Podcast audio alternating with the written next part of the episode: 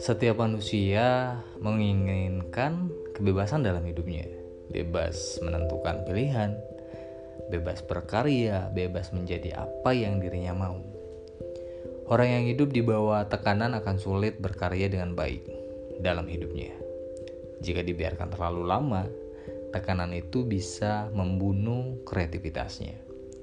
Selanjutnya, ia hanya sebuah robot yang bisa diperintah oleh sang majikan Padahal dirimu bukan robot.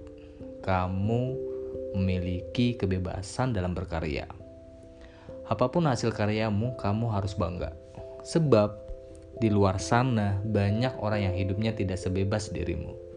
Banyak orang di luar sana yang mengakui karya orang lain adalah miliknya karena ia tidak bisa bangga dengan dirinya sendiri. Bebaslah dan banggalah dengan dirimu.